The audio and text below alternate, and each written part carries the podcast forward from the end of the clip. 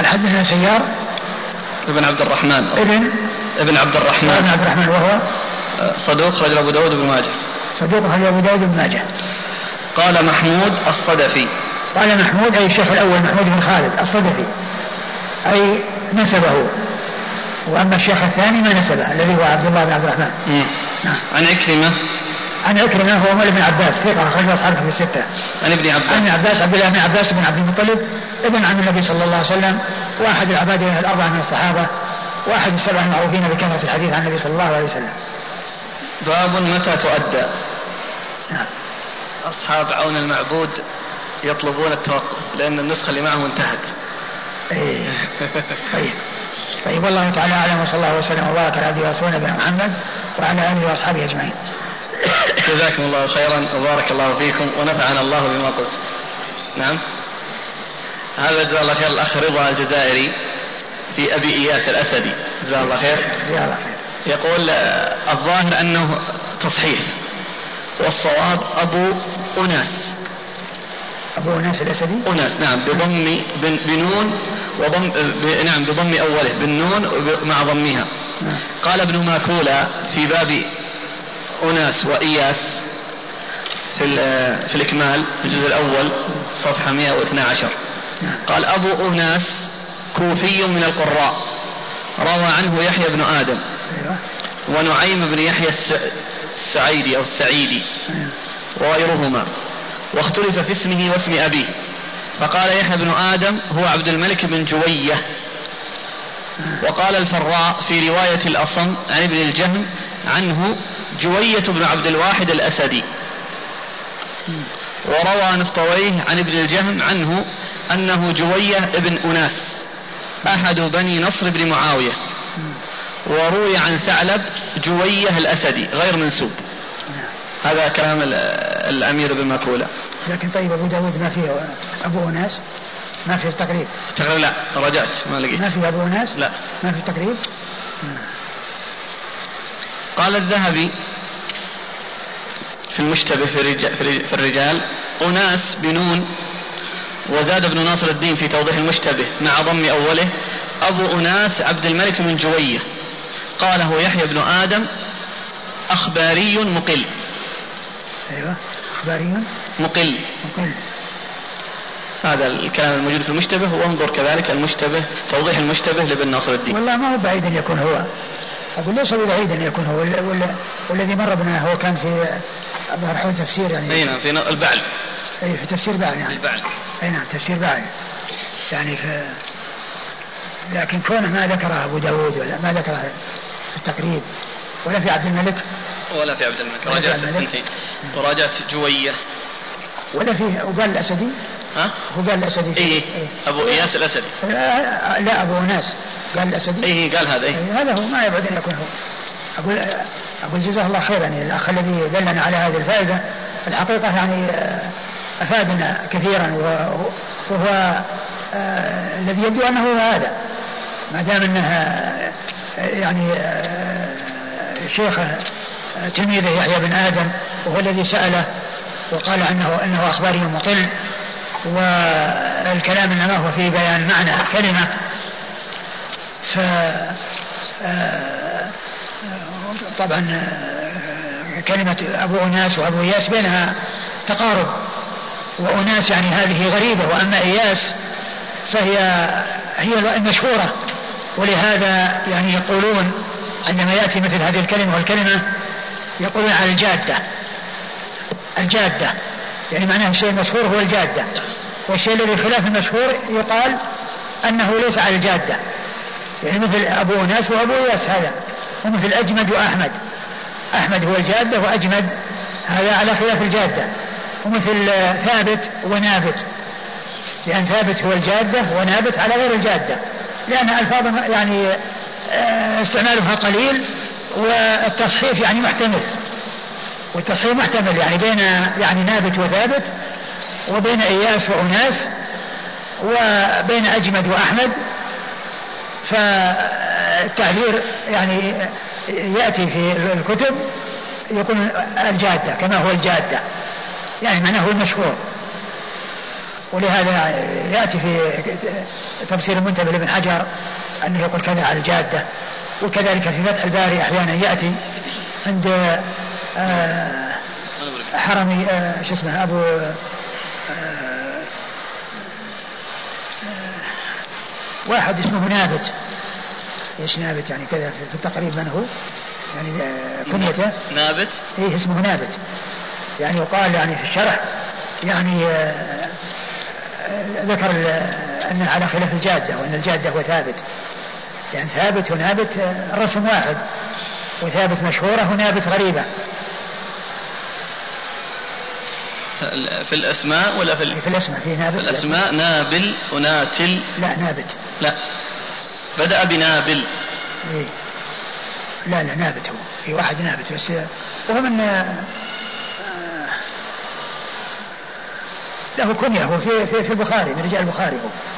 هو من رجال البخاري وأظنه أظنه حرمي بن عمارة شوف يعني فين؟ في الكنى ولا في الأسماء؟ لا حرمي بن عمارة شوف يعني هو له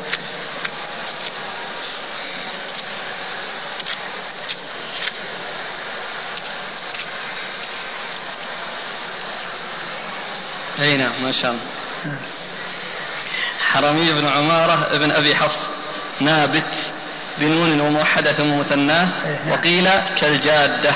وقيل كالجادة يعني كالجادة ثابت يعني. وقيل كالجادة يعني ثابت. يعني كلمة الجادة هذه تطلق على المشهور.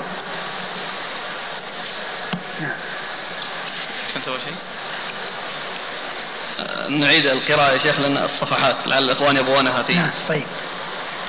آه، ذكر ذلك ابن ماكولة في الإكمال الجزء الأول صفحة 112 والذهبي في المشتبه في صفحة 36 وتوضيح المشتبه لابن ناصر الدين الدمشقي في الجزء الأول 286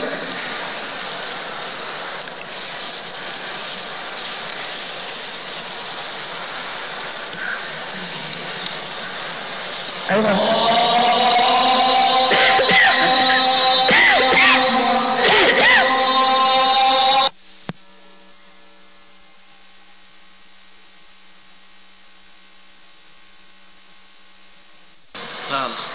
ذكر لي أحد الإخوان وطالب من طلاب الجامعة اسمه شرف الدين وجد عند الحافظ بن حجر في تهذيب التهذيب في كلامه الذي يأتي به بعد كلام المنزي ذكر مواضع عديدة عن عن البخاري في صحيح البخاري عنه ذكر فيها أبو عبيد القاسم بن سلام في الرقاق وغيرها يعني في تفسير كلمات وبيان معاني كلمات يعني عدة مواضع ذكرها في تهذيب التهذيب في ترجمة أبي عبيد القاسم بن سلام.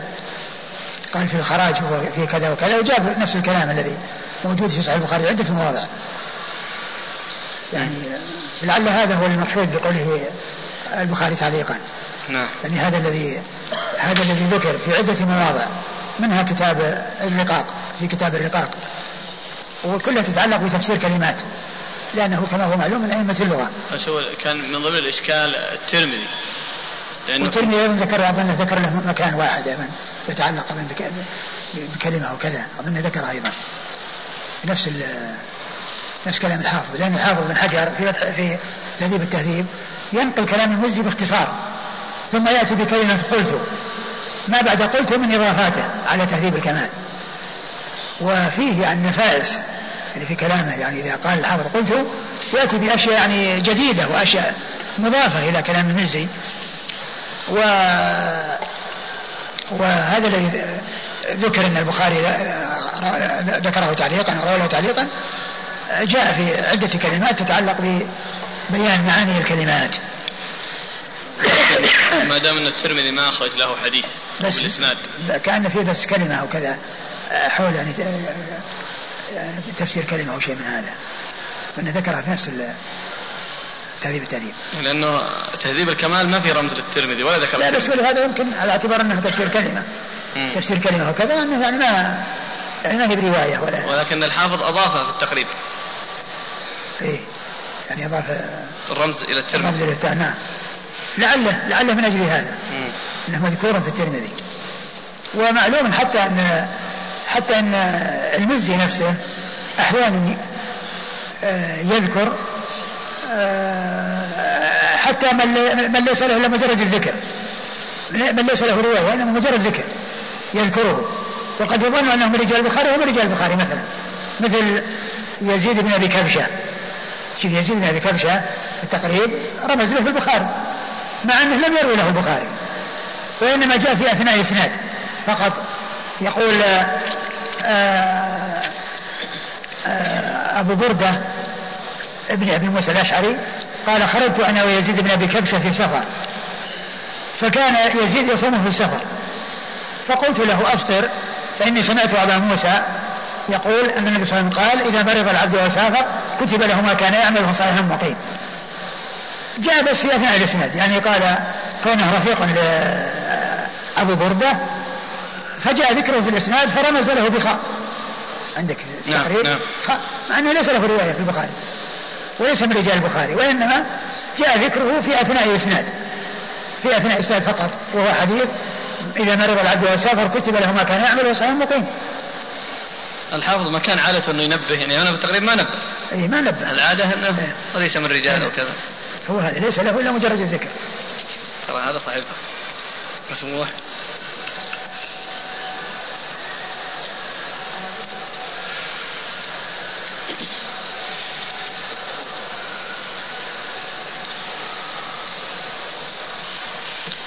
في حديث آه، أول شيء هذا طلبتم رقم الحديث؟ إيه؟ حديث جابر بن عبد الله الذي سيأتي في البيوع إن شاء الله. إيه؟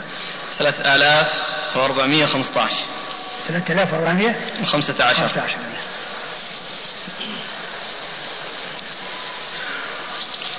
وفيه يعني كذلك أبو داود في كتاب البيوع أورد باب في الخرص في كتاب البيوع؟ أي باب في الخرص.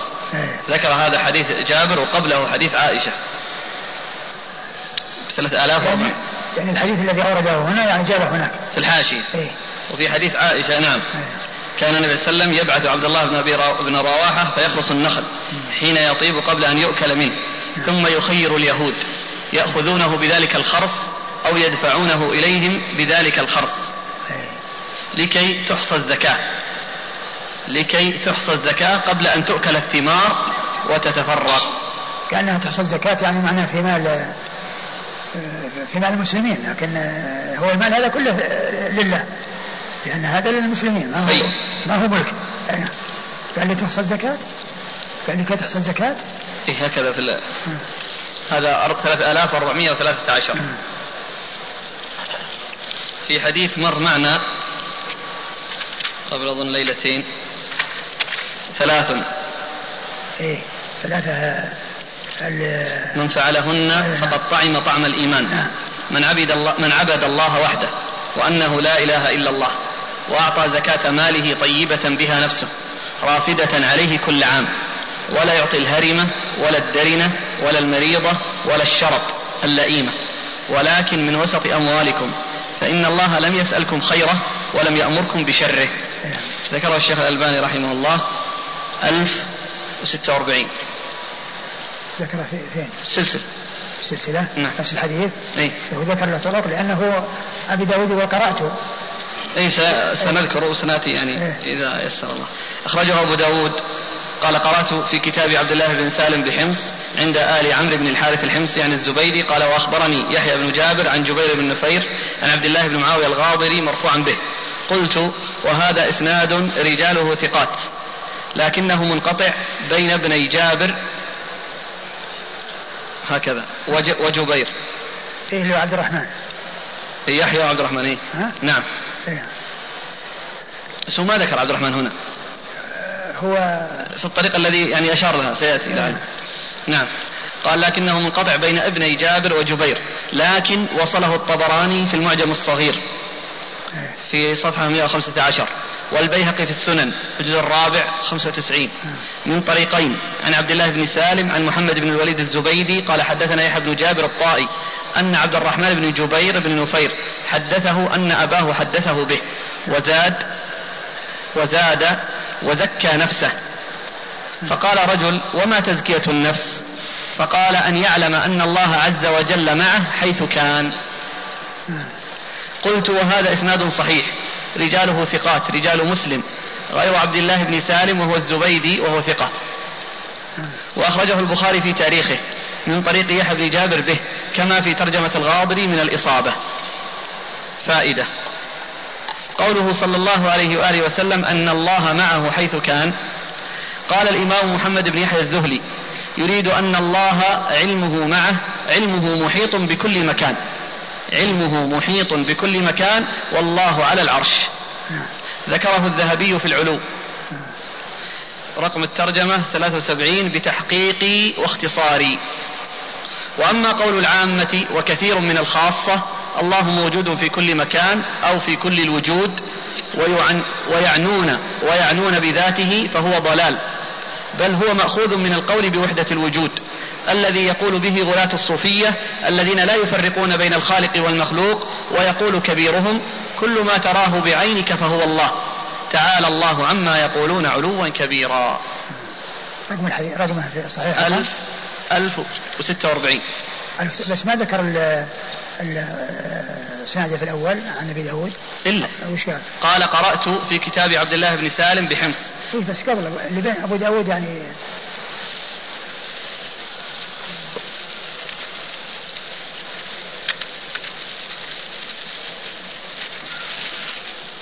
قال أبو داود وقرأت في كتاب عبد الله بن سالم بحمص. عبد الله بن سالم من الطبقة السابعة نعم ذكرتم فيه انقطاع نعم. إيه. الطبقة السابعة يعني كيف يعني؟ وجادة. فيه, فيه مسافة. بس ما ذكر الألباني شيء حول حول إسناده عند قال وهذا إسناد رجاله ثقات لكنه منقطع بين ابني جابر وجبير. إيه، هذا موضوع آخر يعني اللي هو عبد الرحمن. يحيى بن جابر عن جبير. إيه، وأما هذا يعني آه، ما أدركه. أقول ما أدركه اللي هو أبو داود يعني هذا الطبقة السابعة لكن العمدة قال وصله الطبراني إيه؟ في المعجم الصغير والبيهقي في السنن. إيه يمكن يمكن يعني وصله يعني فيه من شيوخه عن طريق إيه شيوخه. يمكن نعم. قال لكن لم يحيل.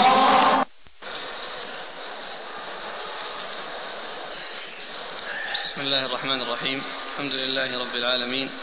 والصلاة والسلام على عبد الله ورسوله نبينا محمد وعلى آله وصحبه أجمعين. أما بعد قال الإمام أبو داود السجستاني رحمه الله تعالى باب متى تؤدى؟ قال حدثنا عبد الله بن محمد النفيلي قال حدثنا زهير قال حدثنا موسى بن عقبة عن نافع عن ابن عمر رضي الله عنهما أنه قال أمرنا رسول الله صلى الله عليه وآله وسلم بزكاة الفطر أن تؤدى قبل خروج الناس إلى الصلاة. قال فكان ابن عمر يؤديها قبل ذلك باليوم واليومين. بسم الله الرحمن الرحيم. الحمد لله رب العالمين وصلى الله وسلم وبارك على عبده ورسوله نبينا محمد وعلى آله وأصحابه أجمعين. أما بعد يقول الإمام أبو داود السيستاني رحمه الله تعالى باب متى تؤدى زكاة الفطر. المراد من ذلك بيان وقت اخراج الزكاة. زكاة الفطر ووقتها الأفضل والأولى أن تكون يوم العيد قبل الصلاة. ويجوز قبل قبل العيد بيوم أو يومين لأن الصحابة رضي الله عنهم وأرضاهم جاء عنهم ذلك ومنهم ابن عمر كما أورده المصنف هنا. وأورد أبو داود حديث ابن عمر رضي الله تعالى عنهما أنه قال أمرنا رسول الله صلى الله عليه وسلم أن نخرج آه، نخرج زكاة الفطر قبل أن يخرج الناس إلى الصلاة أي صلاة العيد. قبل الخروج إلى الصلاة أي خروج إلى صلاة العيد. وكان ابن عمر يخرجها قبل العيد بيوم أو يومين. وهذا يدلنا على أن يوم العيد قبل الصلاة هو أفضل أوقات إخراجها وأن إخراجها قبل العيد بيومين أو يومين جائز. وذلك لقربه من العيد ولأن آه، آه، إيصالها إلى أصحابها في قبل العيد بيوم أو يومين قد تدعو الحاجة إليه لأنه قد لا يتيسر التوزيع يوم العيد قبل الصلاة لكنه إذا تيسر فهو الأولى والأفضل كما جاء بذلك الحديث عن رسول الله صلى الله عليه وسلم. وأما تقديمها قبل العيد بيوم أو يومين أي أكثر من ذلك فلم يأتي آه شيء يدل عليه ثم أيضا هو آه يكون بعيدا عن آه الوقت الذي تجب فيه زكاة الفطر وهو غروب الشمس من آخر يوم من رمضان وأيضا يفوت فيه المقصود من كون الزكاة تحصل في وقت الفطر لأنه لو جاءت في وقت متقدم فقد يحصل أكلها ونفادها قبل مجيء, مجيء آه، الوقت بوقت طويل. فكانت السنة هي أن يؤتى بها قبل الصلاة وإن قدمت قبل العيد بيوم أو يومين كما جاء عن الصحابة فإنه لا بأس بذلك نعم قال حدثنا عبد الله بن محمد النفيلي عبد الله بن محمد بن محمد النفيلي ثقة أخرج حديث البخاري ومس... أخرج حديث البخاري وأصحاب السنن عن زهير عن زهير بن معاوية وهو ثقة أخرجه أصحاب كتب الستة. عن موسى بن عقبة. عن موسى بن عقبة المدني وهو ثقة أخرجه أصحاب كتب الستة. عن نافع.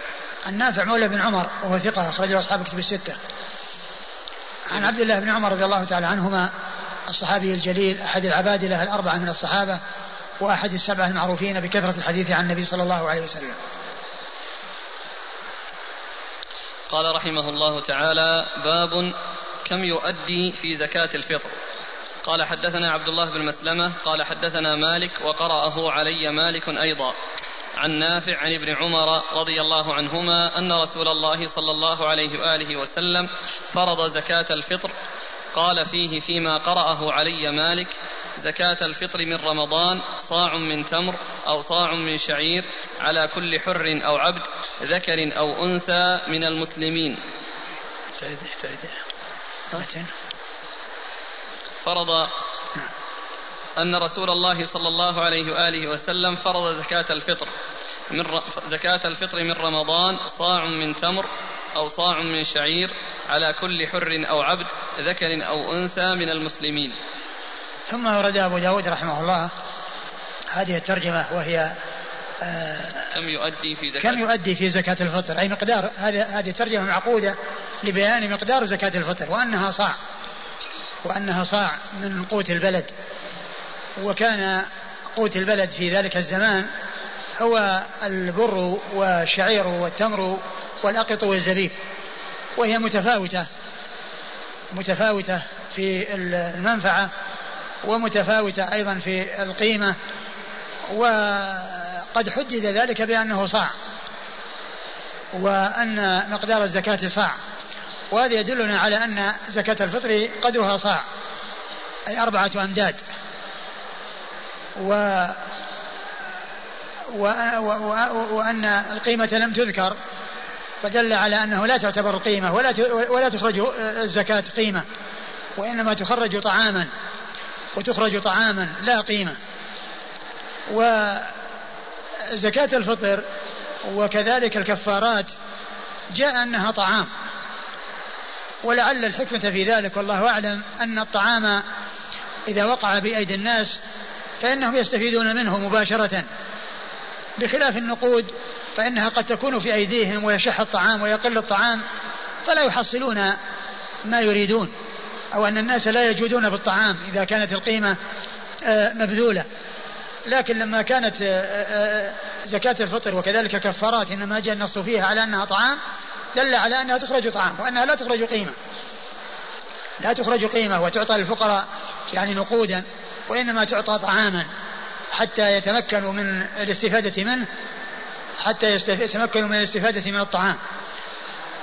والرسول صلى الله عليه وسلم جاء عنه أن زكاة الفطر تكون من الأصناف الخمسة وهي القوت المعتاد في زمانهم وهو يدل على أن زكاة الفطر تكون صاعا. من هذه الأقوات التي كانت في زمن النبي صلى الله عليه وسلم أو من الأقوات الأخرى التي لم تأتي ذكرها في الحديث كالأرز والذرة وغير ذلك من الحبوب التي آه، هي قوت وطعام فإن مقدار الزكاة أي زكاة الفطر صاع كما جاء عن رسول الله صلى الله عليه وسلم. وقد أورد أبو داود حديث ابن عمر وأن النبي صلى الله عليه وسلم فرض زكاة الفطر من رمضان صاعا من آه تمر أو صاعا من شعير. وهنا ذكر في هذه الرواية صنفين من الأقوات التي كانت موجودة في ذلك الزمان وهو التمر والشعير. على الذكر على على الذكر والأنثى والحر والعبد. على كل حر أو عبد. على كل حر أو عبد ذكر أو أنثى من المسلمين. على كل حر أو عبد ذكر أو أنثى من المسلمين. يعني هذا يدل على أن كل مسلم فإن الزكاة تخرج عنه. سواء كان ذلك آه، آه، سواء كان ذكرا أو أنثى أو حرا أو عبدا. وكما جاء أيضا أو صغيرا أو كبيرا. كل مسلم فإنها تخرج عنه زكاة الفطر. وأما الكفار فلا تخرج عنهم الزكاة. لا يخرج عنهم الزكاة لأن الزكاة إنما تكون على المسلمين وتكون للمسلمين التي هي آه، آه، فيها أجر وفيها ثواب وفيها طهرة لهم. وأما الكفار فهم وإن كانوا مخاطبين بفروع الشريعة إلا أن مخاطبتهم بالفروع أنهم مطلوب منهم الأصول والفروع يأتون بالأصول ويأتون معها في الفروع و وهم مؤاخذون على ترك الأصول وعلى ترك الفروع. مؤاخذون على ترك الأصول وعلى ترك الفروع. فهي إنما تجب على المسلمين ولهذا قال من المسلمين. يعني كان ذكرا أو أنثى حرا أو عبدا أي أن يكونوا مسلمين. نعم. قال حدثنا عبد الله بن مسلمة. عبد الله بن مسلمة هو القعنبي ثقة أخرج حديثه آه، أصحاب الكتب إلا بن ماجه. عن مالك. عن مالك بن أنس إمام دار الهجرة الإمام المشهور الفقيه المحدث أحد أصحاب المذاهب الأربعة المشهورة من مذاهب أهل السنة وحديثه أخرجه أصحاب الكتب الستة. وقرأه علي مالك أيضا. وقرأه علي مالك أيضا يعني معناه أنه أخذه منه على وجهين يعني كون آآ آآ كون آآ القعنبي يقرأه عليه وهو يسمع وكون أنا وكون مالك قرأه عليه. يعني أنه قرأ أنه أخذه منه على, على وجهين. يعني معناه أنه القعنبي قرأ عليه والثاني والثاني والحالة الثانية التي حصلت أيضا أن مالكا قرأه عليه. أن مالكا قرأه عليه. نعم. عن نافع عن, عن ابن عمر. عن نافع عن ابن عمر وقد مر ذكرهما. وهذا من الأسانيد العالية عند أبي داود. وهو من الرباعيات التي هي أعلى أعلى الأسانيد عند أبي داود رحمه الله.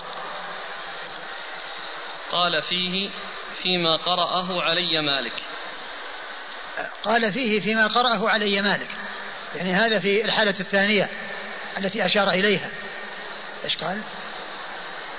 أولا عن, عن نافع عن ابن عمر أن رسول الله صلى الله عليه وآله وسلم فرض زكاة الفطر. قال فيه فيما قرأه علي مالك زكاة الفطر من رمضان. يعني أن أن هذا في الطريقة الثانية التي هي كون مالك قرأ عليه يعني زكاة الفطر من رمضان.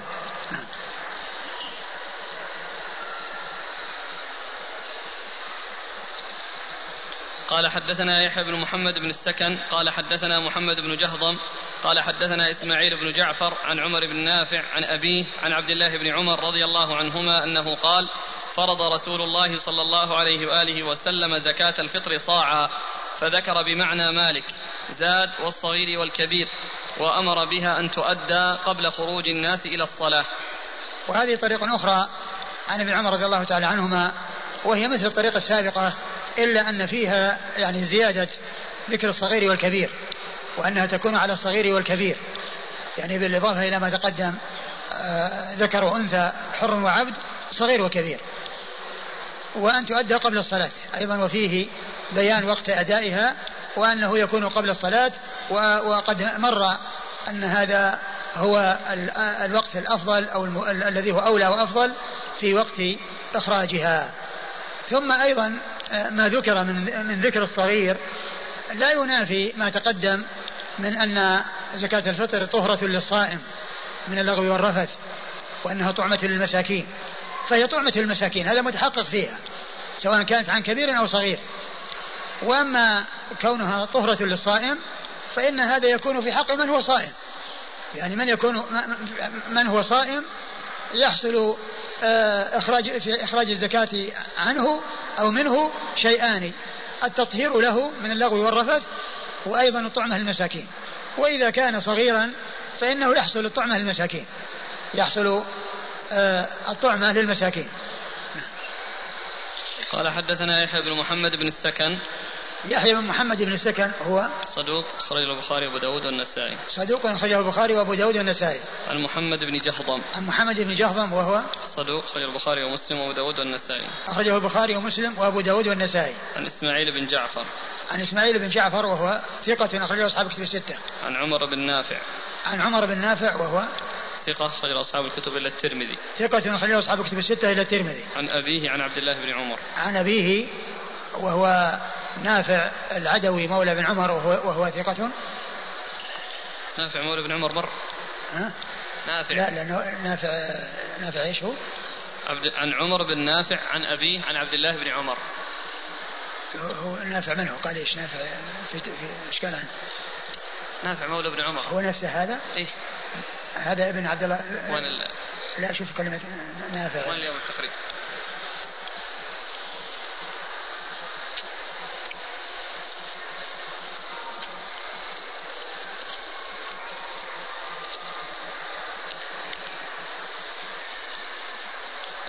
في عمر بن نافع قال عمر بن نافع العدوي مولى بن عمر. أي طيب هو هو.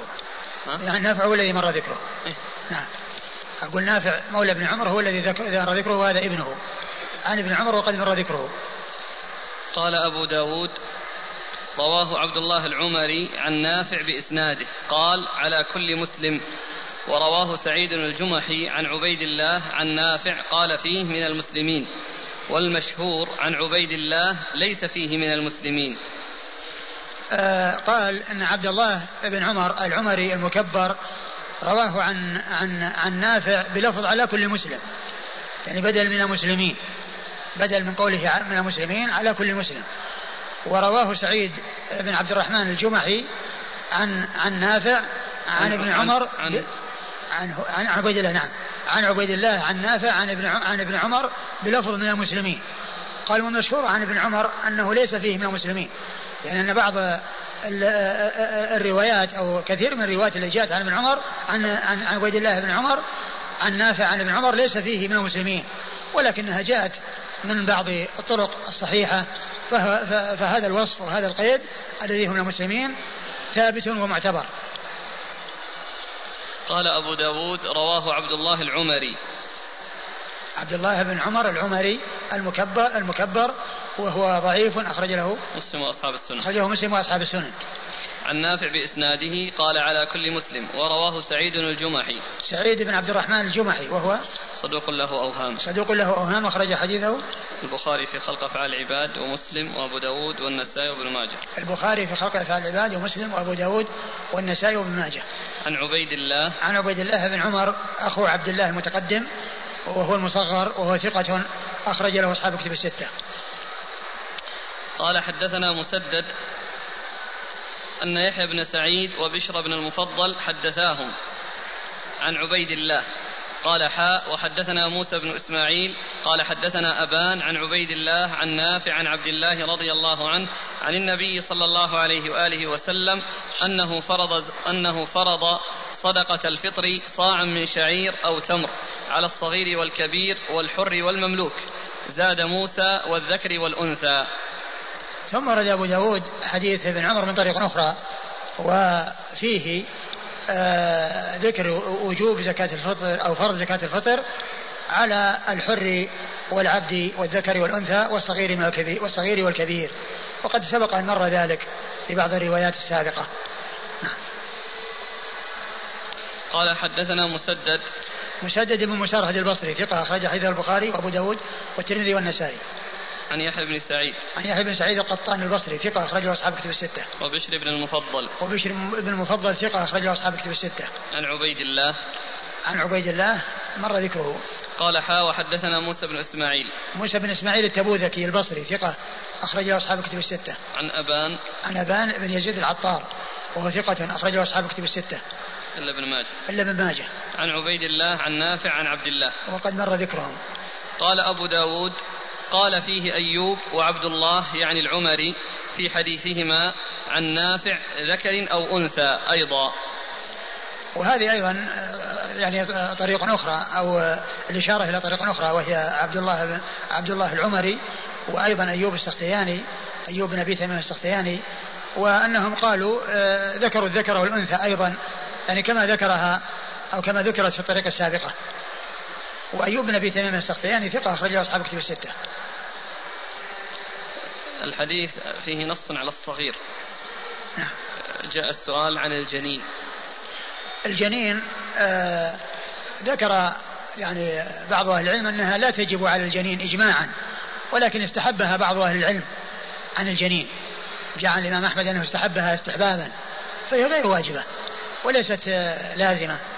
وجاء عن الإمام أحمد أنه آه، استحب أن تخرج عنه.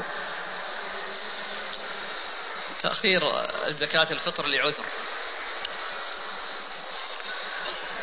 آه، كما هو معلوم هي هي إنما تجب في وقت معين والإنسان الذي يكون مالكا يجب عليه أن يخرجها أو آه، آه، يوكل احدا في إخراجها إذا كان غير متمكن. وأما إذا كان قادرا ومتمكنا ولم يخرجها بنفسه أو لم يوكل في إخراجها فإنه يكون مفرطا ويكون مقصرا لأنها لها وقت معين والواجب إخراجها في وقتها. وال ال إذا كان الفقراء غير موجودين فيمكن أن يطلب منهم أن يوكلوا يعني من يستلم لهم ثم يعطيهم إياها.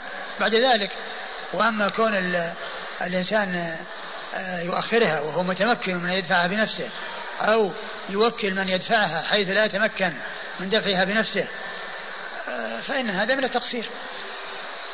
تقضى. يقول بعض العلماء إنها تقضى يعني بعد ذلك إنها تقضى.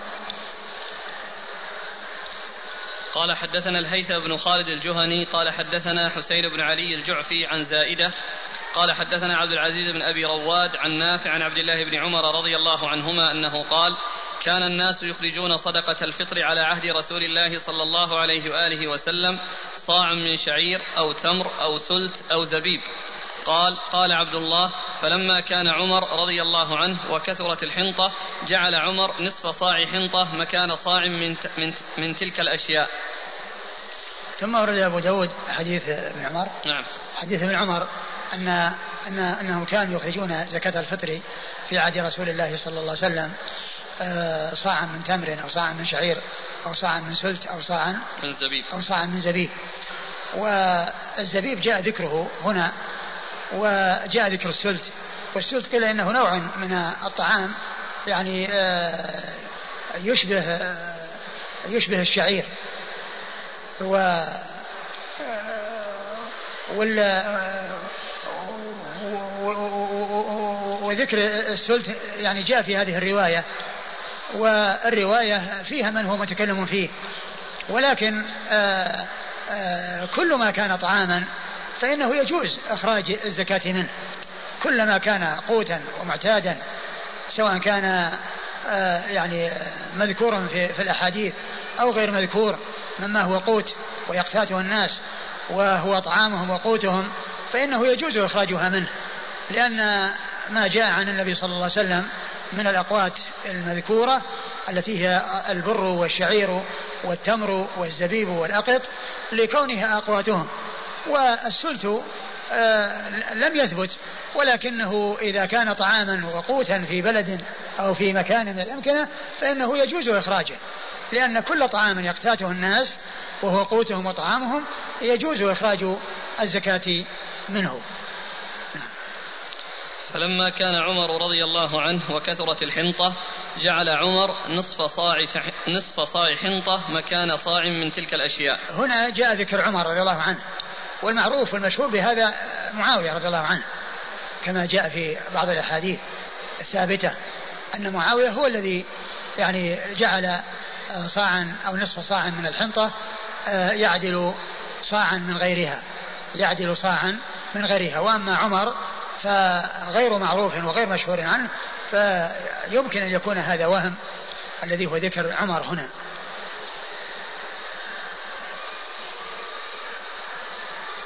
قال حدثنا الهيثم بن خالد الجهني. الهيثم بن خالد الجهني هو؟ ثقة أخرج أبو داود. ثقة أخرج أبو داود. عن عن حسين بن علي الجعفي. عن حسين بن علي الجعفي وهو ثقة أخرجه أصحاب كتب الستة. عن زائدة عن زائدة بن قدامة وهو ثقة أخرجه أصحاب كتب الستة. عن عبد العزيز بن أبي رواد. عبد العزيز بن أبي رواد وهو صدوق ربما وهم أخرجه البخاري تعليقا وأصحاب السنن. صدوق ربما وهم أخرجه البخاري تعليقا وأصحاب السنن. عن نافع عن عبد الله بن عمر. عن نافع عن عبد الله بن عمر وقد مر ذكرهما.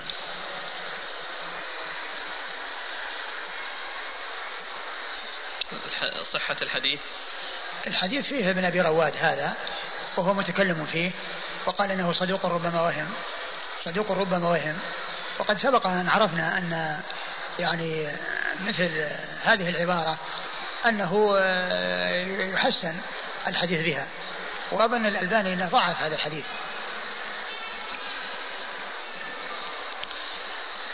قال حدثنا مسدد وسليمان بن داود العتكي قال حدثنا حماد عن أيوب عن نافع أنه قال قال عبد الله رضي الله عنه فعدل الناس بعد نصف صاع من بر بعد فعدل الناس بعد نصف صاع من نصف صاع من بر. قال وكان عبد الله يعطي التمر فأعوز أهل المدينة التمر عاما فأعطى الشعير. ثم آه، ذكر آه، جاء الحديث الحديث من طريق أخرى عن ابن عمر وأن الناس عدلوا صاعا آه، نصف صاع من بر بصاع من تمر. ما في.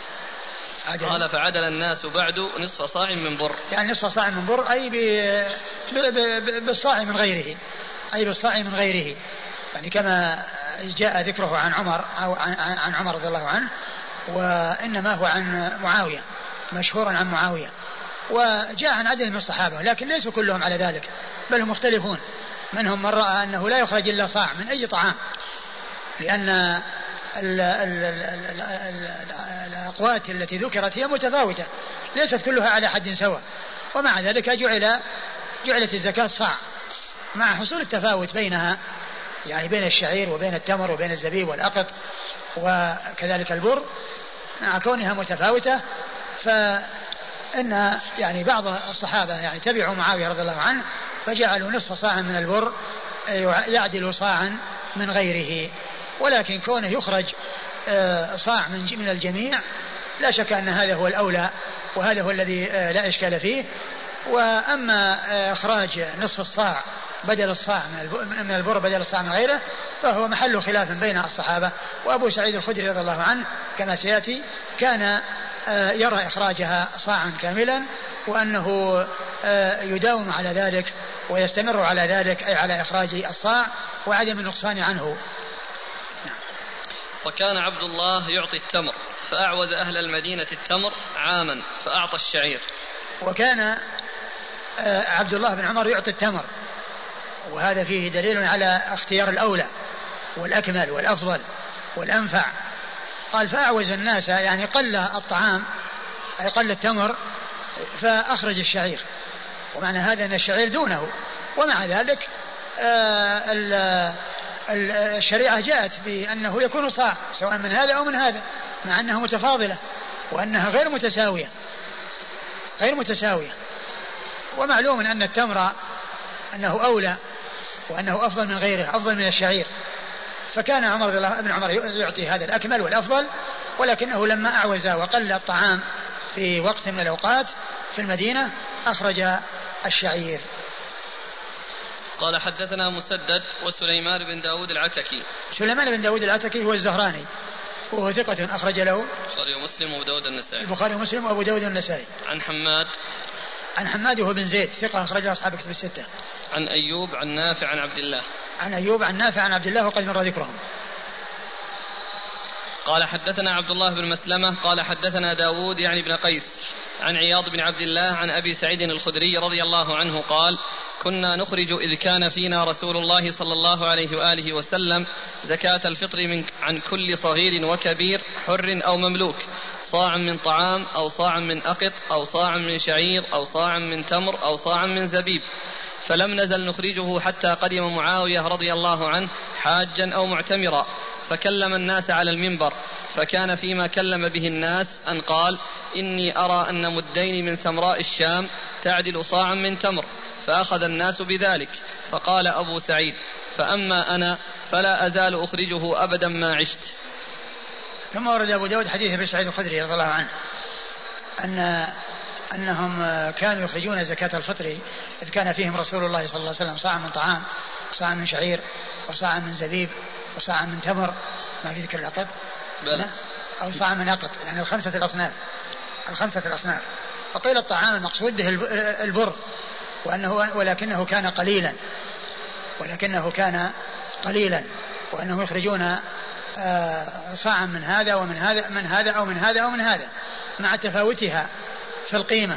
وعلى هذا فالمعتبر هو الكيل والمقدار وإن تفاوتت وإن تفاوتت القيمة وكل واحد منها يجزي إلا أن ما كان منها أنفع وما كان منها آه، أكثر فائدة فإنه هو الأولى بأن يخرج وأن يقدم على غيره. وهذا بالنسبة للأقوات الموجودة في زمانه صلى الله عليه وسلم. وكذلك الأنفع والأكثر فائدة للناس في آه، كل زمان لا سيما مثل الأرز. الذي آه، يعني هو قوت كثير من الناس في هذا الزمان والذي لا يحتاج إلى طحن وإنما يستعمل بدون طحن والفائدة كبيرة فينظر إلى ما هو الأنفع وإلى ما هو الأكثر استعمالا عند الناس والذي يحرصون عليه الناس فيخرج منه أي من القوت الذي يعتاده أهل البلد في أي زمان ومكان.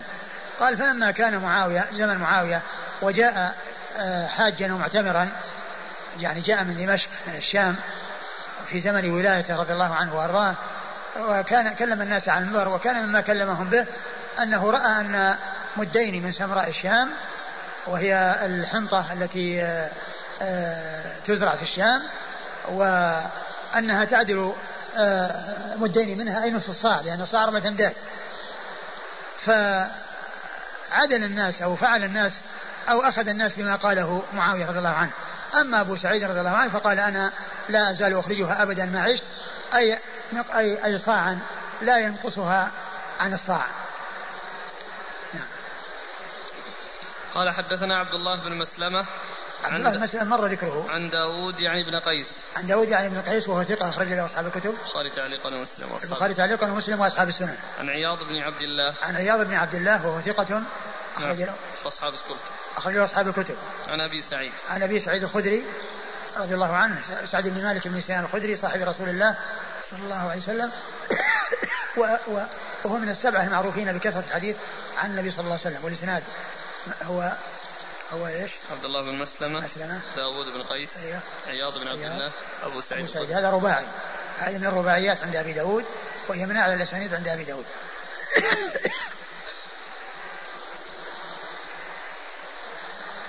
العمل برأي معاوية رضي الله عنه؟ والله يعني عمل به بعض الصحابة لكن لا شك أن إخراج الصاع هو الذي هو هو الأكمل والأفضل وهو الذي فيه الاحتياط في الدين. قال أبو داود رواه ابن علية وعبده وغيرهما عن ابن إسحاق عن عبد الله بن عبد الله بن عثمان بن حكيم بن حزام عن عياض عن أبي سعيد بمعناه. وذكر رجل واحد فيه عن ابن علية أو صاع من حنطة وليس بمحفوظ. آه، ثم ذكر حديث أبي سعيد من طريق أخرى وفيه آه، أنه ذكر رجل آه، صاعا من حنطة أي بهذا اللفظ وهو ليس بمحفوظ. يعني وإنما الذي الذي جاء ذكر الطعام. الذي جاء ذكر الطعام والطعام هو المقصود به الحنطة.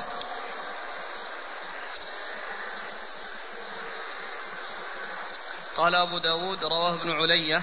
ابن علية إسماعيل بن علية إسماعيل بن إبراهيم بن مقسم المشهور بابن علية ثقة أخرجه أصحاب كتب الستة. وعبدة. وعبدة ابن سليمان وهو ثقة أخرجه أصحاب كتب الستة. عن عن ابن إسحاق. عن إسحاق محمد بن إسحاق المدني صدوق أخرجه البخاري تعليقا ومسلم وأصحاب السنن. عن عبد الله بن عبد الله بن عثمان بن حكيم بن حزام عن, عن عبد الله بن عبد, عبد الله. بن عثمان بن حكيم نعم. وهو مقبول أخرجه أبو داود النسائي مقبول أخرجه أبو داود والنسائي. عن عياض عن أبي سعيد.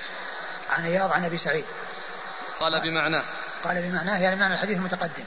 وذكر رجل أنه قال رجل حنطة أيوه وقال وذكر رجل واحد فيه عن ابن علية أو صاع من حنطة وليس بمحفوظ. وذكر رجل واحد فيه عن ابن علي عن عن ابن علية عن ابن علية وذكر وذكر رجل واحد فيه عن ابن علية وذكر رجل واحد فيه عن ابن علية عن صاع وليس المحفوظ يعني أنه جاء عن ابن علية من رواية واحد عنه قال صاع من حنطة وذكر الصاع من الحنطة والتنصيص عن الحنطة وأنه صاع من الحنطة هذا غير محفوظ.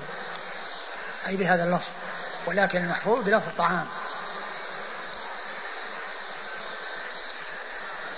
فائدة. ذكرها محمد عوامة يقول كتب الحافظ ابن حجر بجانبه ما نصه. فائدة الواحد المذكور هو يعقوب الدورقي.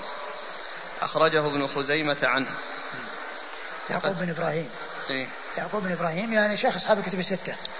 شيخ أصحاب الكتب الستة. طبعا هو آه، بواسطة. يعني طبعا بواسطة لأنه قال رجل عن عن ابن علية وابن علية كما هو معلوم آه، يروي عنه أبو داود بواسطة ويعقوب بن إبراهيم الدورقي شيخ أبي داود بل هو شيخ أصحاب الكتب الستة نعم.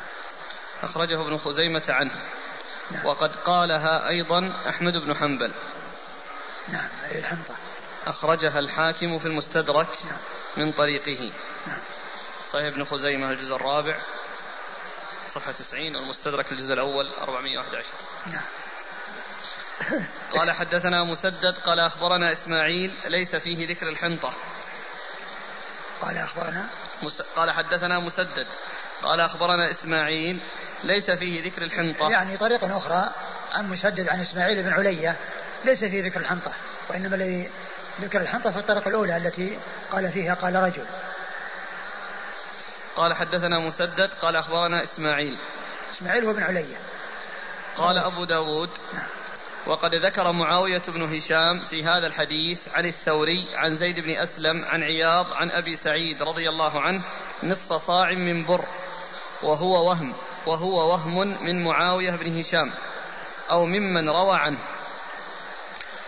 آه ثم ذكر أن أن حديث أبي سعيد فيه نصف صاع من بر. نصف صاع من بر قال وهو وهو وهو وهم من معاوية بن هشام أو ممن روى عن معاوية بن هشام. يعني مقصود من ذلك أنه من من حديث أبي سعيد وإنما حديث أبي سعيد ما فيه إلا صاع من طعام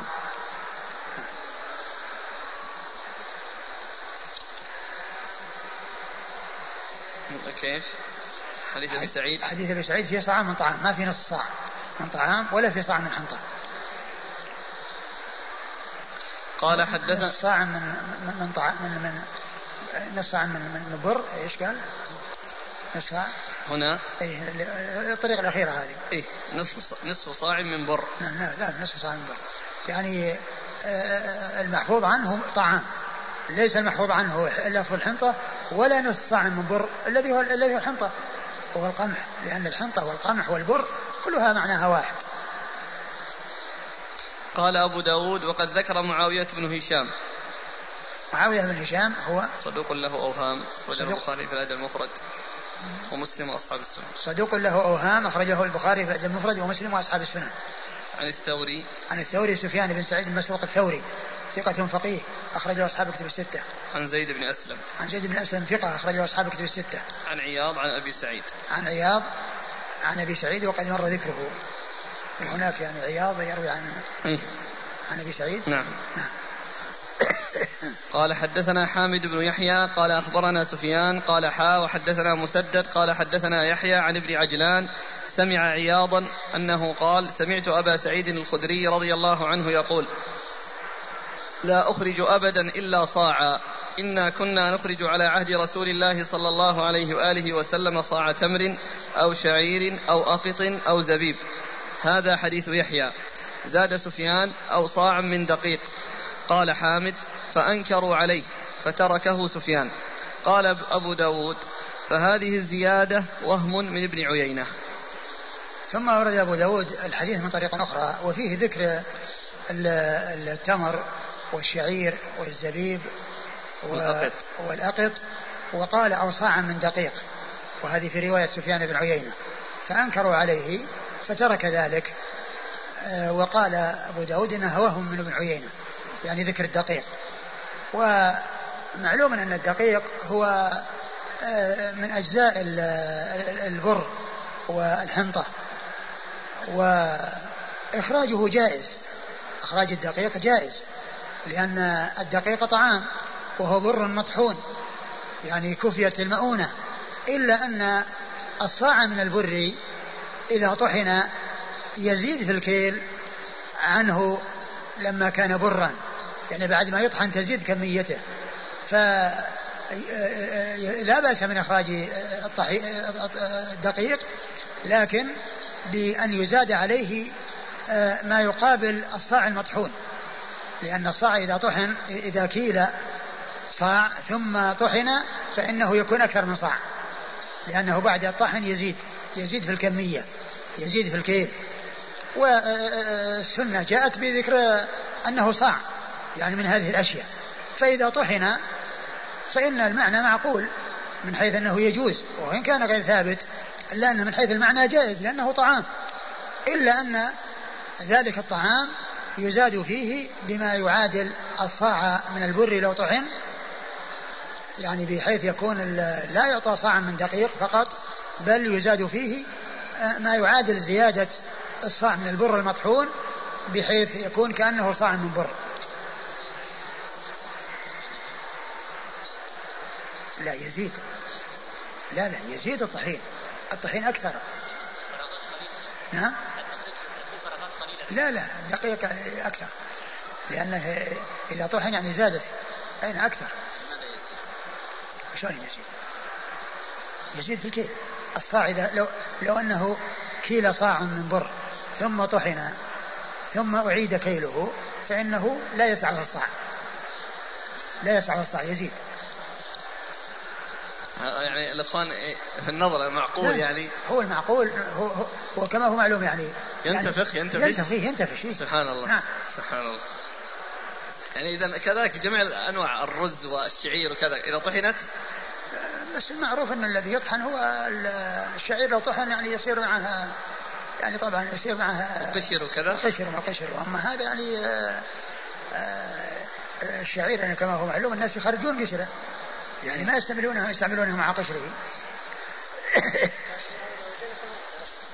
نعم.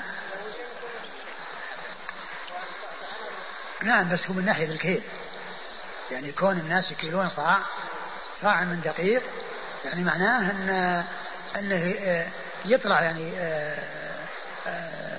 الصاع يكون أكثر اللي هو صاع من البر. نعم. هذا من مصلحة الفقير.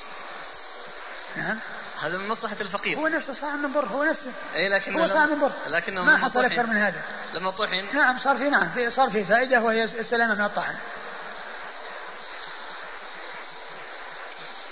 قال حدثنا حامد بن يحيى. حامد بن يحيى هو؟ ثقة أخرجه أبو داود. ثقة أخرجه أبو داود. عن سفيان. عن سفيان بن عيينة المكي ثقة أخرجه أصحاب كتب الستة. قال حا وحدثنا مسدد عن يحيى عن ابن عجلان. عن ابن عجلان المدني صدوق أخرج حديث البخاري تعليقا ومسلم وأصحاب السنن. عن عياض عن أبي سعيد الخدري. عن عياض عن أبي سعيد الخدري وقد مر ذكرهما. قال رحمه الله تعالى باب من روى نصف صاع من قمح. قال حدثنا مسدد وسليمان بن داود العتكي قال حدثنا حماد بن زيد عن النعمان بن راشد عن الزهري. قال مسدد عن ثعلبة بن عبد الله بن أبي صعير عن أبيه وقال سليمان بن داود عن عبد الله بن ثعلبة أو ثعلبة بن عبد الله بن أبي صعير عن أبيه قال قال رسول الله صلى الله عليه وآله وسلم صاع من بر أو قمح على كل اثنين صغير أو كبير حر أو عبد ذكر أو أنثى أما غنيكم فيزكيه الله وأما فقيركم فيرد الله تعالى عليه أكثر مما أعطى زاد سليمان في حديثه غني أو فقير. ثم أورد أبو داود آه هذه الترجمة. من روى نصف صاع من بر. من قمح. من قمح من قمح. نعم. من روى نصف صاع من قمح. والقمح والبر والحنطة كلها معناها واحد. والقمح والحنطة كلها معناها واحد. كلها بمعنى واحد. آه أورد أبو داود حديث آه آه المختلف فيه. المختلف في اسمه يعني آه، عبد الله ثعلبة بن أبي صعير أو آه، عبد الله بن ثعلبة بن أبي صعير يعني آه الذي هو فيه ابن وأب. فمختلف في اسمه. أنه قال قال رسول الله صلى الله عليه وسلم صاع من بر أو قمح على كل اثنين. صاع من بر أو قمح يعني شك لأن البر والقمح هو معناها واحد من بر أو قمح على كل اثنين. يعني معناه أن أن أن الصاع يكون عن اثنين. الصاع يكون عن اثنين. على كل اثنين أو عن كل اثنين؟ على كل اثنين. على كل اثنين. يعني يجب على كل اثنين صاع يعني معناه أن معناه أن الواحد عليه نصف صاع. صغير أو كبير حر أو عبد ذكر أو أنثى. صغير أو كبير حر أو عبد ذكر أو أنثى. وقد مر ذكر ذلك أنها واجبة بشرط أن يكونوا مسلمين. أما غنيكم فيزكيه الله وأما فقيركم فيرد الله تعالى عليه أكثر مما أعطاه. أما, ف... أما غنيكم فيزكيه الله لأن الزكاة أو إخراج الزكاة فيها تطهير وفيها نماء. فيها تطهير وفيها نماء. وأما الفقير فيعطيه الله أكثر مما فيعطيه الله أكثر مما أعطى. فيعطيه الله أكثر مما أعطى. يعني أنه يعوضه الله خيرا. و وذلك وهو يدل على أن الفقير أنه يجب عليه إخراج الزكاة ولكن إذا كان عنده شيء يكفيه أكثر من من حاجته أكثر من حاجته يوم العيد وليلته فإنه يخرج الزكاة فإذا كان واجدا. ولو تصدق عليه بعدة يعني آصع فإنه يخرج واحدا منها فإنه يخرج منها, يخرج منها لأنه يكون واجدا وعنده ما يكفيه أكثر من قوت يومه وليلته. وبعض العلماء يقول إن ال- الذي يخرج هو الغني والفقير إنه لا يخرج شيء ولكن آه هذا شيء وقتي ولا يشترط فيه الغنى والفقر وانما يشترط فيه الوجدان يعني في ذلك الوقت.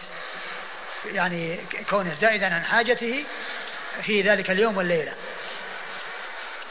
زاد سليمان في حديثه غني أو فقير. غني أو فقير يعني آه، مع الأربعة التي راحت التي مضت يعني ذكر أنثى حر أو مملوك آه، صغير أو كبير غني أو فقير. قال حدثنا مسدد وسليمان بن داود العتكي عن حماد بن زيد عن النعمان بن راشد. النعمان بن راشد هو صدوق سيء الحفظ أخرجه البخاري صدوق سيء الحفظ أخرجه له البخاري تعليقا. ومسلم وأصحاب السنن. ومسلم وأصحاب السنن.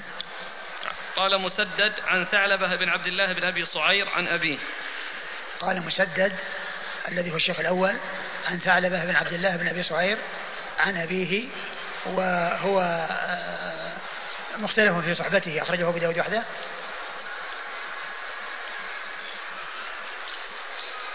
من هذا؟ لأنه اللي, اللي فهمته أنا أن الأب هو ثعلبة بن أبي صعير والابن هو عبد الله. هو مختلف فيه. لكن اللي وجدته في تهذيب الكمال لما ترجم لثعلبة قال يروي عنه ابنه. ثعلبة؟ إي. يروي عنه ابنه؟ إي. إي. يعني وذكر الحديث والاختلافات. اللي هو هذا؟ إي. نعم.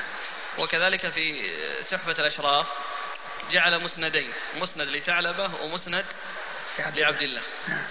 فلما جاء في عبد الله ذكر له ثلاث أحاديث. منها هذا الحديث قال راجع أو انظره في ترجمة أبيه ثعلبة. فاللي فهمته أن الأب ثعلبة. ابن أبي صعير والابن عبد الله. والابن عبد الله. وعبد الله وش قال فيه في التقريب؟ ثعل آه هنا قال مسدد عن ثعلبة بن عبد الله. نعم. ثعلبة هذا ما يكون ثعلبة هذا هو الاختلاف بين الإبن والإبن. يعني هل هو ثعلبة بن عبد الله وعبد الله بن ثعلبة؟ أو ابن صعير أو ابن أبي صعير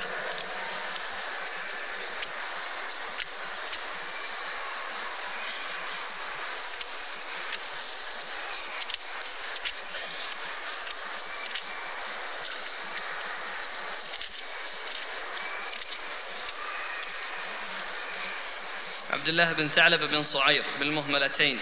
مصغر ويقال ابن أبي صعير له رؤية ولم يثبت له سمع. له رؤية؟ ولم يثبت له سمع. ولم يثبت له سمع. والثاني؟ ثعلبة ثعلبة هو اللي قال مختلف في صحبته أخرج له أبو داود وحده. مختلف في صحبته؟ آه.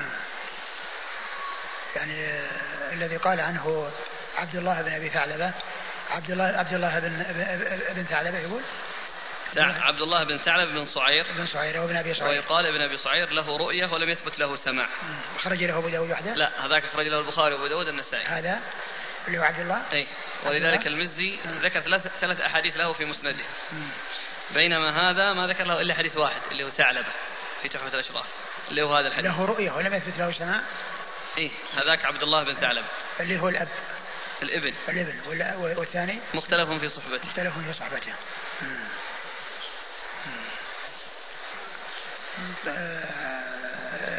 الذي انفرد له أبو داود ثعلبة. نعم. ثعلبة الذي مختلف في صحبته. نعم. يعني معناه أنه يكون هو الصحابي على هذا على اختلاف في صحبته. والذي له رؤية هو معدود في كبار التابعين من حيث من حيث الرواية. ابن يعني. اللي هو الابن نعم. هو الاختلاف موجود بين الابن والأب. ثعلبة بن عبد الله وعبد الله بن ثعلبة. نعم. قال حدثنا علي بن حسن الدرابرج الدرابجردي. قال حدثنا عبد الله بن يزيد. قال حدثنا همام. قال حدثنا بكر. هو ابن وائل عن الزهري عن ثعلبة بن عبد الله أو قال عبد الله بن ثعلبة عن النبي صلى الله عليه وآله وسلم. قال حاء وحدثنا محمد بن يحيى النيسابوري. قال حدثنا موسى بن إسماعيل. قال حدثنا همام عن بكر بن و... عن بكر عن بكر الكوفي. قال محمد بن يحيى هو بكر بن وائل بن داود أن الزهري حدثهم عن عبد الله بن ثعلب بن صعير عن أبيه. قال قام رسول الله صلى الله عليه وآله وسلم خطيبا فأمر بصدقة الفطر. صاع تمر أو صاع شعير على كل رأس. زاد علي في حديثه أو صاع بر أو قمح بين اثنين. ثم اتفقا عن الصغير والكبير والحر والعبد. أعد. إسناد نعم. قال حدثنا علي بن الحسن الدرابجردي. قال حدثنا عبد الله بن يزيد. قال حدثنا همام. قال حدثنا بكر هو ابن وائل. عن الزهري عن ثعلبة بن عبد الله أو قال عبد الله بن ثعلبة عن النبي صلى الله عليه وآله وسلم. قال حا وحدثنا محمد بن يحيى النيسابوري. قال حدثنا موسى بن إسماعيل. قال حدثنا همام عن بكر الكوفي.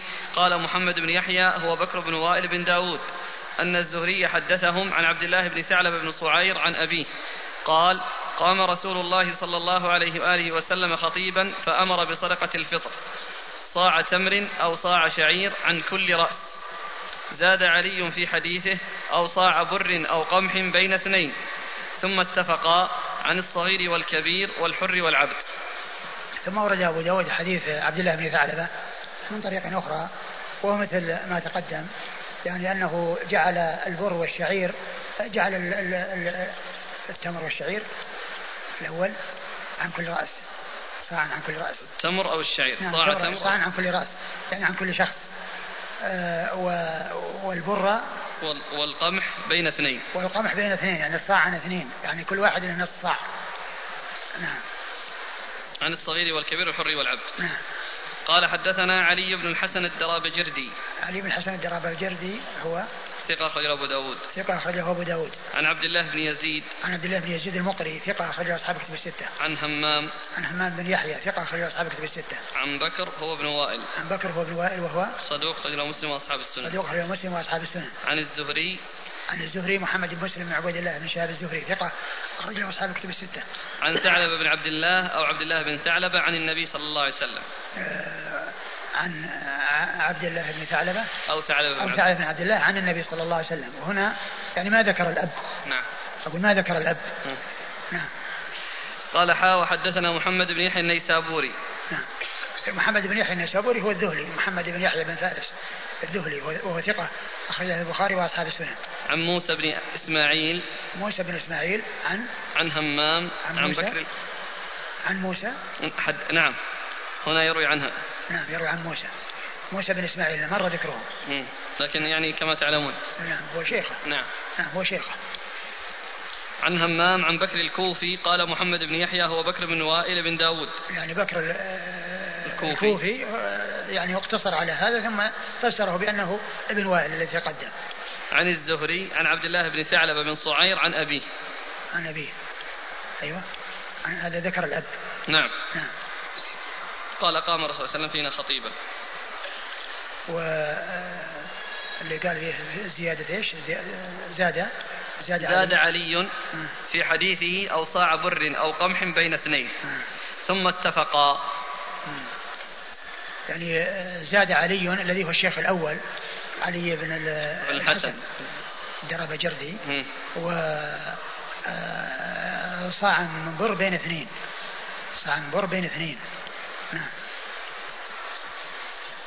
الحديث الماضي وهذا الحديث من حيث الصحة كيف؟ الألباني صحح الحديث لكن هذه الزيادة التي فيها البر جاءت عن طريق علي بن الحسن.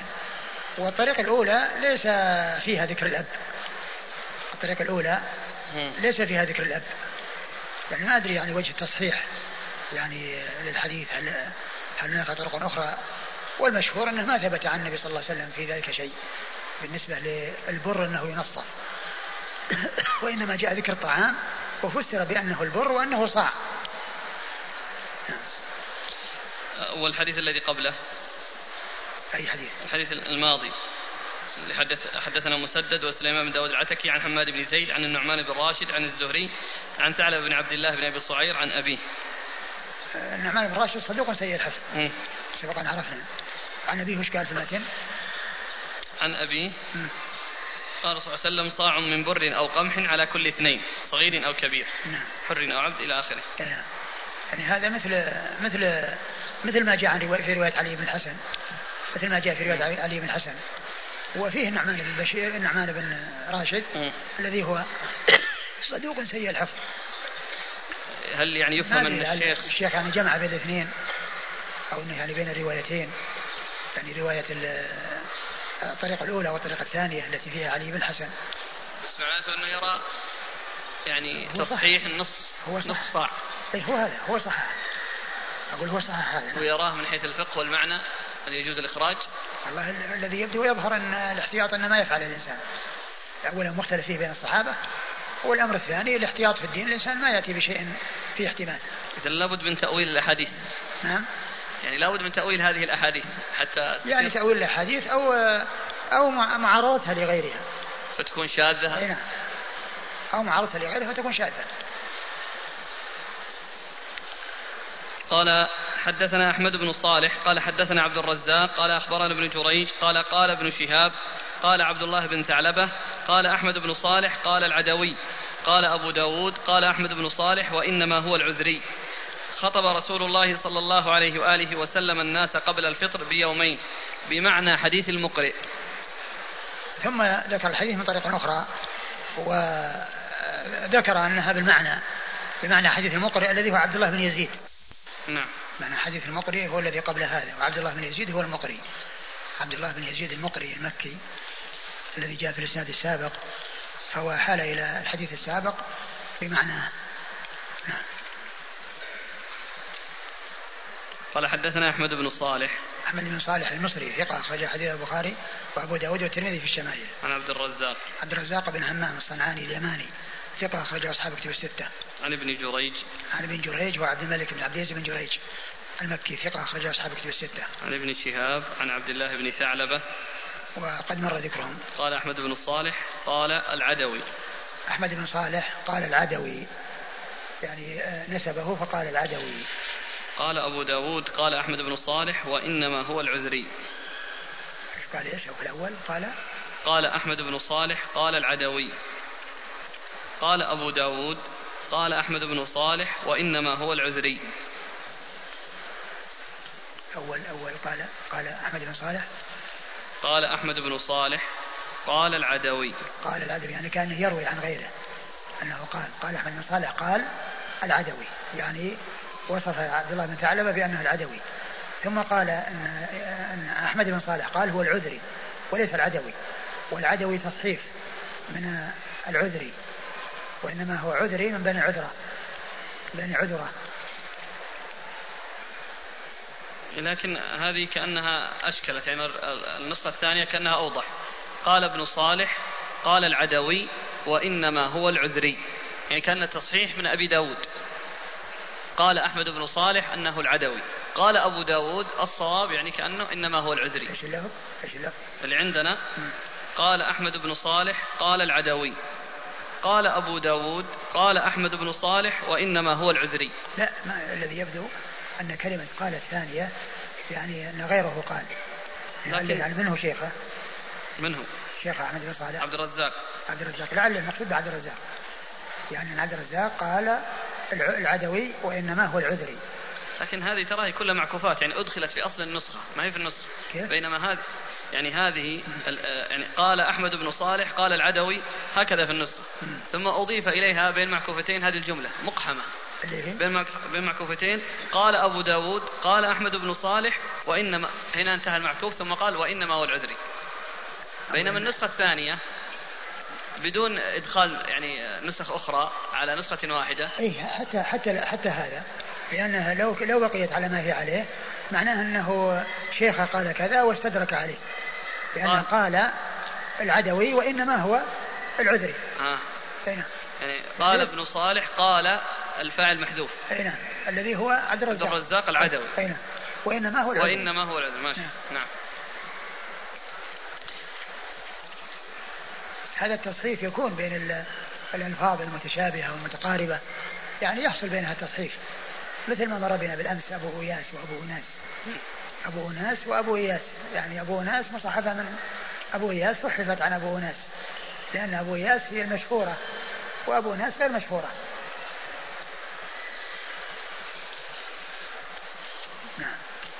قال حدثنا محمد بن المثنى قال حدثنا سهل بن يوسف قال حميد أخبرنا عن الحسن. هكذا معك.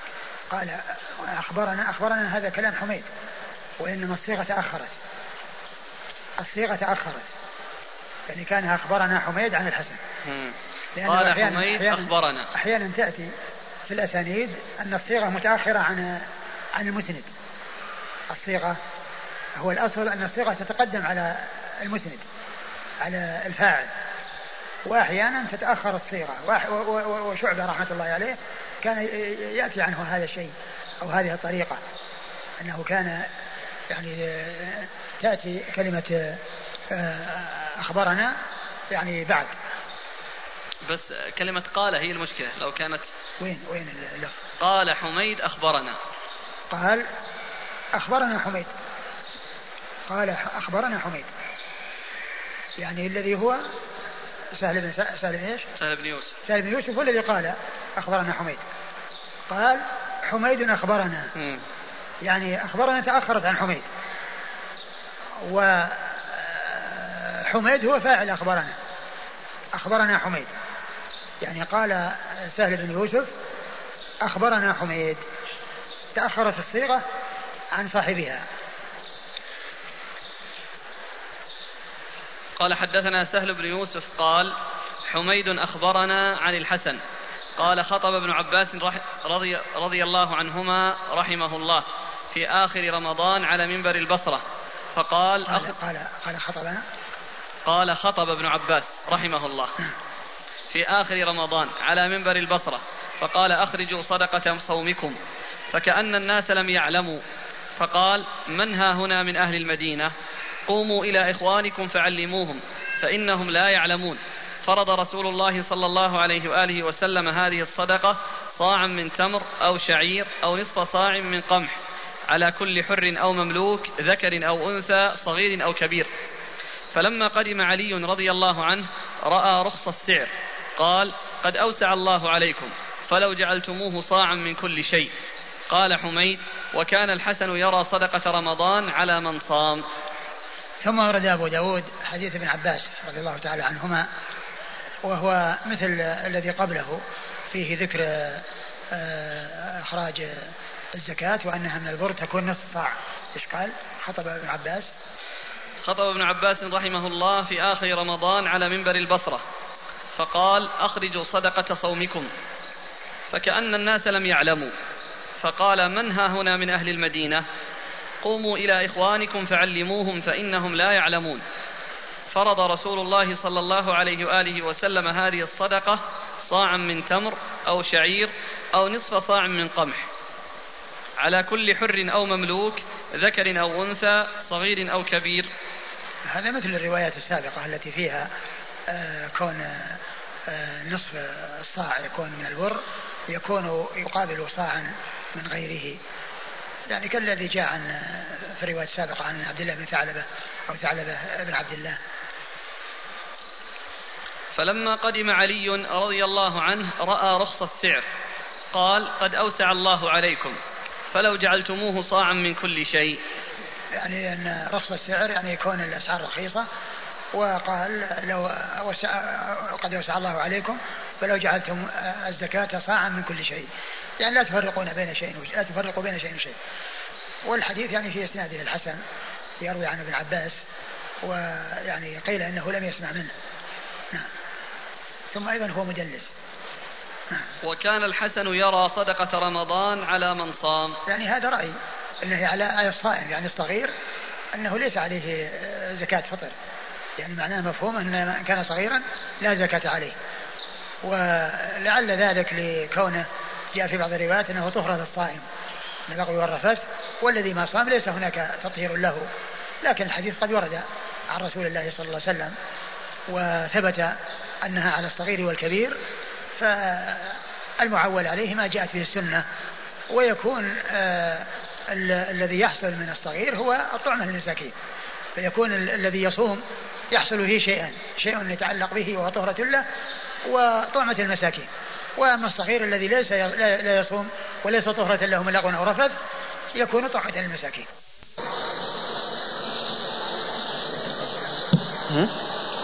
نعم.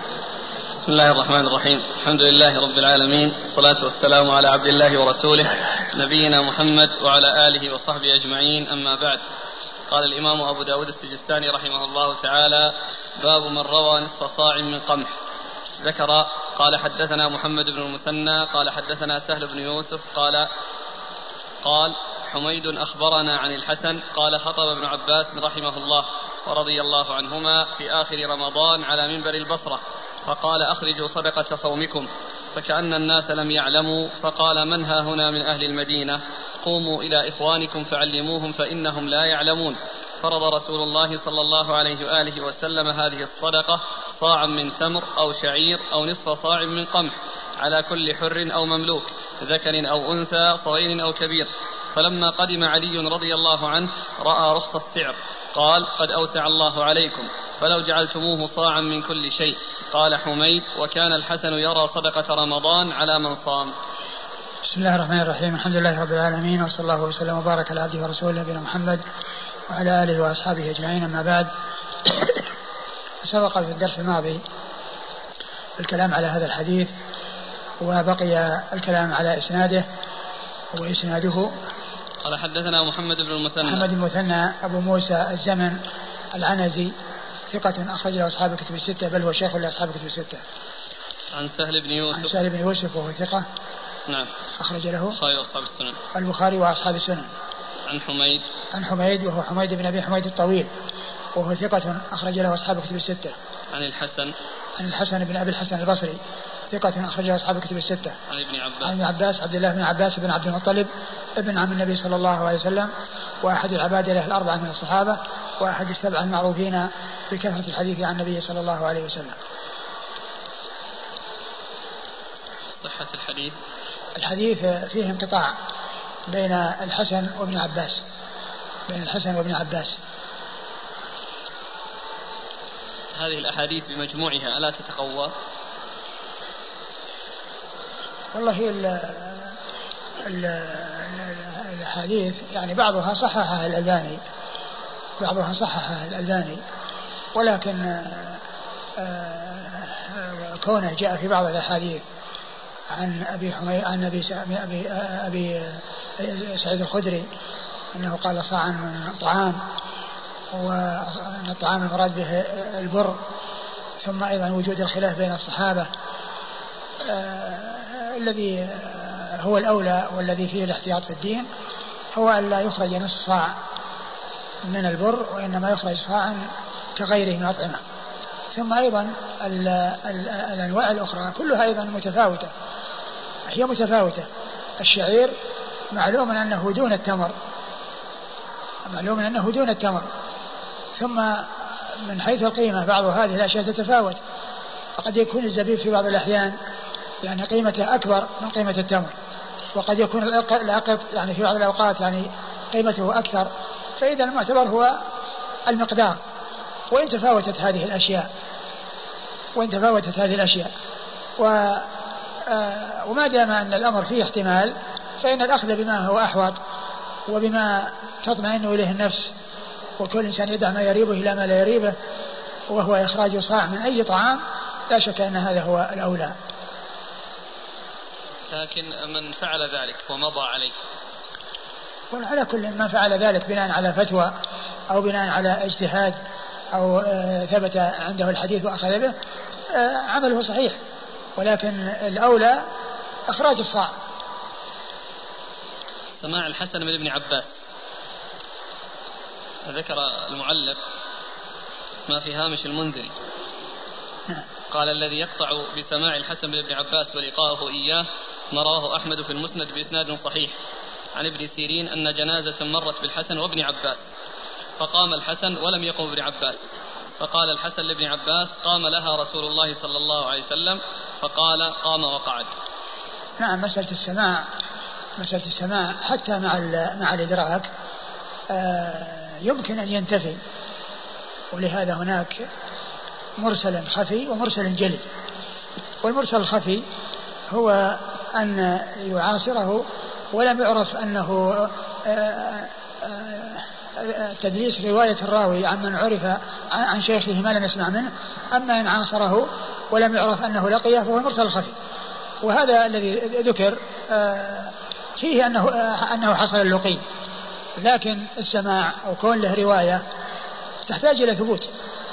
أقول تحتاج إلى ثبوت يعني من حيث الرواية. وإن وإن وإن ثبت اللقي وإن ثبت اللقي فإن الرواية قد تتخلف مع وجود اللقي. الإسناد فيه انقطاع كما عرفنا أنها فيه انقطاع وأيضا من ناحية أخرى هو الحسن مدلس. حتى لو كان فيه الاتصال أو كان فيه سماع أيضا هو مدلس وهذا عيب آخر.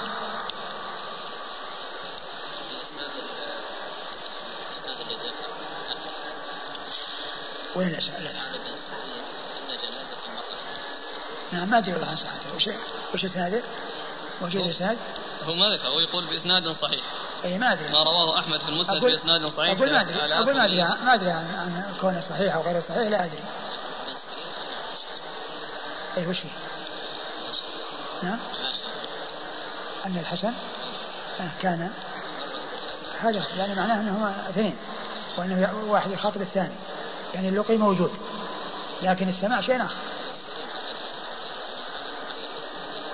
ابن سيرين هو هو متقدم مثل الحسن. أقول ابن سيرين هو من التابعين والحسن من التابعين. أقول الحسن من التابعين وابن سيرين من التابعين. فيعني هم في عصر واحد.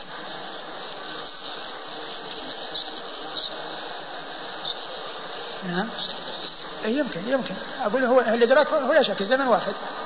الزمن واحد الحسن من التابعين وابن سيرين من التابعين.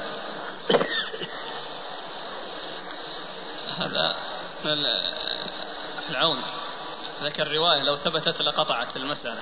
قال وقد جاء في مسند أبي يعلى الموصلي في حديث عن الحسن قال أخبرني ابن عباس. وهذا إن ثبت دل على سماعه منه. نعم وإذا ثبت لا شك أنه يدل على السماع. وقال البزار في مسنده بعد أن رواه لا يعلم روى الحسن عن ابن عباس غير هذا غير هذا الحديث ولم يسمع الحسن من ابن عباس. يعني معناه أنها يعني بلفظ الأخبار. يعني ما يعلم أنها إلا هذا الحديث يعني فيها, فيها الأخبار. وإلا الباقي يمكن بالعنعنة والعنعنة كما هو معلوم. تكون بالإرسال وتكون بالتدريس قال رحمه الله تعالى باب في تعجيل الزكاة. قال حدثنا الحسن بن الصباح قال حدثنا شبابة عن ورقاء عن أبي الزناد عن الأعرج عن أبي هريرة رضي الله عنه أنه قال بعث النبي صلى الله عليه وآله وسلم عمر بن الخطاب على الصدقة فمنع ابن جميل وخالد بن الوليد والعباس. فقال رسول الله صلى الله عليه وآله وسلم ما ينقم ابن جميل إلا أن كان فقيرا فأغناه الله. وأما خالد بن الوليد فإنكم تظلمون خالدا فقد احتبس أدراعه وأعتده في سبيل الله. وأما العباس عم رسول الله صلى الله عليه وآله وسلم فهي علي ومثلها. ثم قال أما شعرت أن عم الرجل صنو الأب أو صنو أبيه أنا علمت أن أن عم, عم الرجل. صنو. صنو, صنو الأب أو صنو أبيه. ثم أورد أبو داود رحمه الله باب تعجيل الصدقة. تعجيلها هو تقديمها قبل حلول وقتها. تعجيلها أي تقديمها قبل حلول وقتها. الأصل أن الزكاة تجب إذا حال الحول. بلغ النصاب وحال عليه الحول وجبت الزكاة. والكلام في تعجيلها قبل حولان الحول وقبل وقت وجوبها. وفي ذلك خلاف بين أهل العلم. منهم من أجازه ومنهم من منعه. وقد جاءت أحاديث في الجواز منها ما هو صريح ومنها ما هو محتمل. وقد أورد أبو داود حديث أبي هريرة حديث أبي هريرة أن أن الرسول صلى الله عليه وسلم بعث عمر على الصدقة أي بعثه عاملا على الصدقة. وهذا يدل على أن على بعث العمال. لأخذ الزكاة. بعث الإمام العمال لأخذ الزكاة. وقد جاء في القرآن أن العاملين عليها هم من مصارفها. أن العاملين عليها هم من مصارفها. بعث عمر على الصدقة فقيل منع ابن جميل وخالد بن الوليد والعباس. وابن جميل قيل إن اسمه عبد الله. فقال النبي صلى الله عليه وسلم ما ينقم ابن جميل إلا أن كان فقيرا فأغناه الله. يعني ليس له عذر وإنما هو فقير فأغناه الله. قالوا فهذا من مما يسمونه في البلاغة تأكيد الذنب بما يشبه المدح لأن لأنه كان قيل أنه ينقم أنه كان فقير. ثم يأتي بعد ذلك شيء قد يفهم منه أنه آآ آه، آآ آه، يعني مدح